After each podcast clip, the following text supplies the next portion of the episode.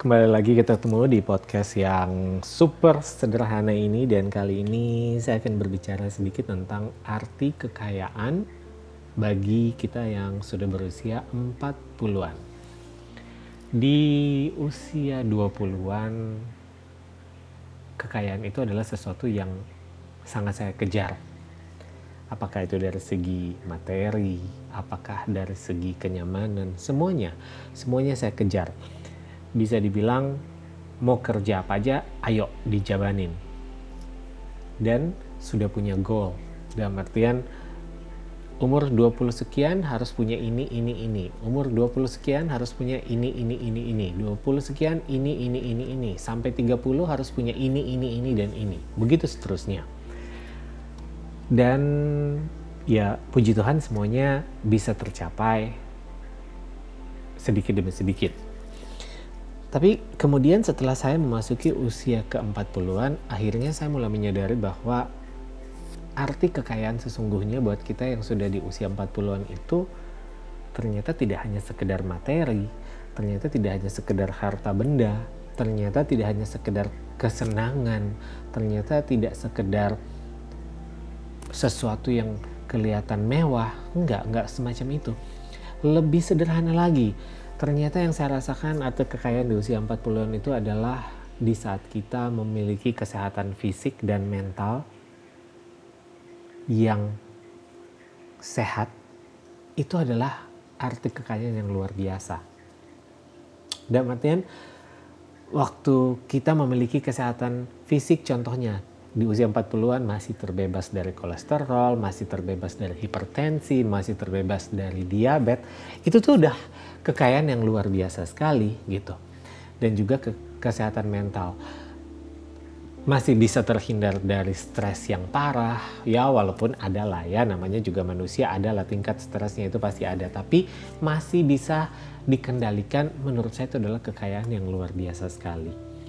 Saya itu selalu ingat pesan mama saya, kebetulan uh, mama itu ada darah Jawanya, jadi dia selalu bilang ada satu pepatah Jawa. Saya lupa bahasa Jawanya apa cuman kalau di Indonesia kan itu ibarat kata dia cuma bisa bilang ya kamu itu jadi orang jangan merasa bisa tapi belajar untuk bisa merasa.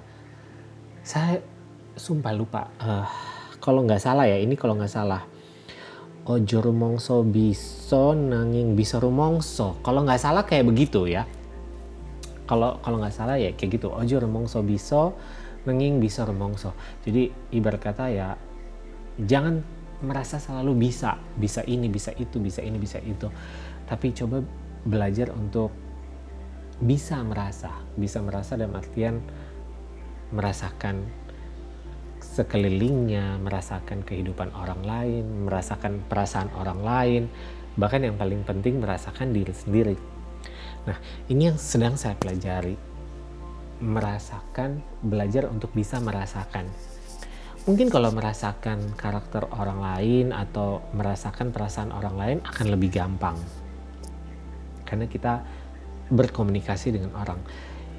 Yang kadang terasa lebih sulit adalah waktu saya bisa merasakan diri saya sendiri dalam artian kadang-kadang kita melupakan diri kita sendiri loh. Karena takut dibilang terlalu egois, karena terlalu takut dibilang terlalu uh, memikirkan diri sendiri, sampai kadang-kadang secara tidak sengaja kita bisa terperosok dalam tanda kutip ya ke kondisi di mana kita menjadi orang yang people pleaser banget gitu loh, yang bisa dimanfaatkan orang atau bisa bisa mengikuti kemauan orang Padahal diri kita sendiri belum tentu mau seperti itu. Dan akhirnya saya belajar dari hal ini, bisa merasakan ini, saya belajar pelan-pelan apa sebenarnya yang saya mau.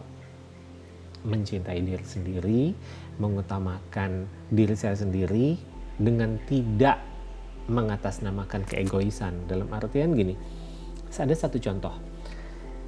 Kebetulan saya punya halaman yang cukup luas untuk bermain buat anak-anak tetangga. Mereka bisa bermain di situ, mereka bebas. Saya izinin mereka untuk bermain. Apalagi dengan kondisi yang sekarang ini waktu podcast yang dibuat memang lagi masa pandemi di mana kadang-kadang mereka juga sudah bosan, mereka sudah jenuh, mereka tidak pergi ke sekolah, mereka hanya sekolah online. Ada masa kejenuhan seperti itu yang mereka rasakan. Jadi saya mengizinkan mereka untuk bermain di halaman rumah. Hanya kadang-kadang saya merasa bahwa saya terlalu membebaskan hal itu kepada mereka sampai kadang-kadang bisa kelewat batas. Dalam artian saya merasa sampai saya kok kehilangan privasi saya sendiri ya? Dan akhirnya saya memutuskan oke okay, saya akan membatasi. Membatasi jadwal kunjungan mereka untuk bermain. Bisa dibilang kayak begitu. Membatasi jadwal mereka untuk bermain membatasi jadwal mereka untuk menggunakan fasilitas di halaman gitu Nah, uh, tujuannya sebenarnya bukan saya mau egois atau sekedar bahwa saya mau melarang orang untuk bersenang-senang tidak, tapi saya juga harus bisa merasakan kondisi diri saya. Apakah pada saat itu saya masih nyaman? Apakah saat itu saya masih ada perasaan senang, ada perasaan sukacita, ada perasaan bahagia, atau malah merasa privasi saya terganggu, saya mulai merasa uring-uringan, saya mulai merasa bising dengan suara teriakan-teriakan anak-anak kecil yang bermain tanpa uh, kontrol yang yang yang ya tahulah anak kecil seperti gimana ya. Jadi akhirnya saya memutuskan untuk membatasi jam mereka ini. Tujuannya satu, karena saya juga harus menjaga kesehatan mental saya apalagi dengan kondisi pandemi ini kesehatan mental kita juga harus dijaga. Karena saya bilang tadi kekayaan di usia 40-an buat saya untuk saat ini adalah kekayaan berupa kesehatan apakah itu kesehatan fisik dan juga kesehatan mental. Dan kesehatan mental ini sangat berpengaruh ke fisik. Di saat kita terhindar dari stres yang tinggi maka fisik kita akan jauh lebih baik metabolisme kita akan jauh lebih baik bekerja. Walaupun sudah berusia 40-an, kita akan bisa tidur dengan cukup. Kita bangun dalam kondisi segar. Waktu tidur pun kita akan bisa menikmati yang namanya deep sleep, bisa tidur nyenyak, bisa tidur pulas. Begitu bangun kita segar, tidak bangun dalam kondisi yang uring-uringan, yang malah ada perasaan emosi, bahkan mungkin ada satu dua teman saya yang bilang begitu dia bangun tidur dia capek karena ada tingkat stres yang menekan. Dan itu yang saya hindari sama sekali gitu. Sebisa mungkin kalau bisa saya hindari ya saya hindari gitu. Jadi bisa merasakan diri sendiri ini juga salah satu kuncian di mana kita uh, bukan berarti kita kehilangan empati sama orang tidak. Memberikan perhatian kepada orang dan melihat kebahagiaan orang lain itu juga memang akan membuat kita ikut bahagia. Tapi kalau di satu titik kita sudah mulai merasa bahwa ini menjadi sesuatu yang mengganggu, bahkan kita tidak mendapatkan lagi perasaan sukacita dalam hal itu, berarti ada sesuatu yang keliru dan kita harus membenahi itu.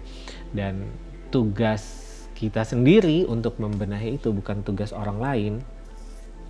Dan itu yang saya lakukan, menjaga kesehatan mental saya karena saya percaya dari kesehatan mental yang baik itu akan mengarah ke kesehatan fisik yang lebih baik. Apalagi kalau kita sudah usia 40-an itu sudah sangat-sangat-sangat rentan dengan yang namanya hipertensi, diabetes dan segala macam penyakit yang biasa muncul di usia-usia 40-an. Nah, dan balik lagi kalau misalnya ditanya soal kekayaan di usia 40-an, buat saya bukan lagi materi.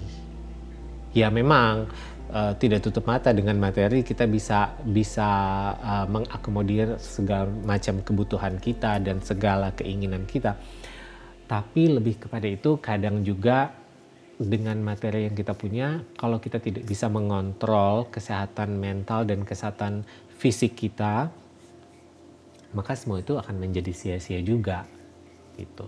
Ada berapa banyak orang yang punya kekayaan materi pada akhirnya juga tidak bisa menikmati materi yang dia punya karena sudah keduluan sakit atau menderita gangguan mental dan artian stres yang tinggi ya dan yang sejenisnya seperti itu jadi buat saya untuk usia 40-an kekayaan terbesar itu adalah kesehatan yaitu kesehatan fisik dan kesehatan mental yang memang kita harus jaga kalau memang kita masih bisa jaga dari kita umur 20-an, 30-an jauh lebih baik. Tapi kalau kita sudah baru 40-an baru sadar, gak ada yang salah kok nggak ada kata terlambat.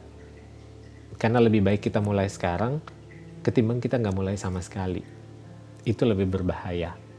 Dan ingat, di usia 40-an adalah usia-usia yang sangat-sangat-sangat rentan terhadap berbagai jenis penyakit.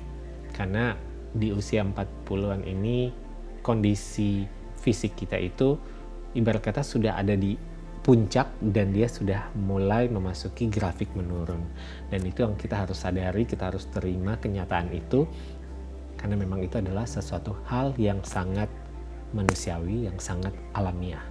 Dan itu memang akan terjadi di semua manusia.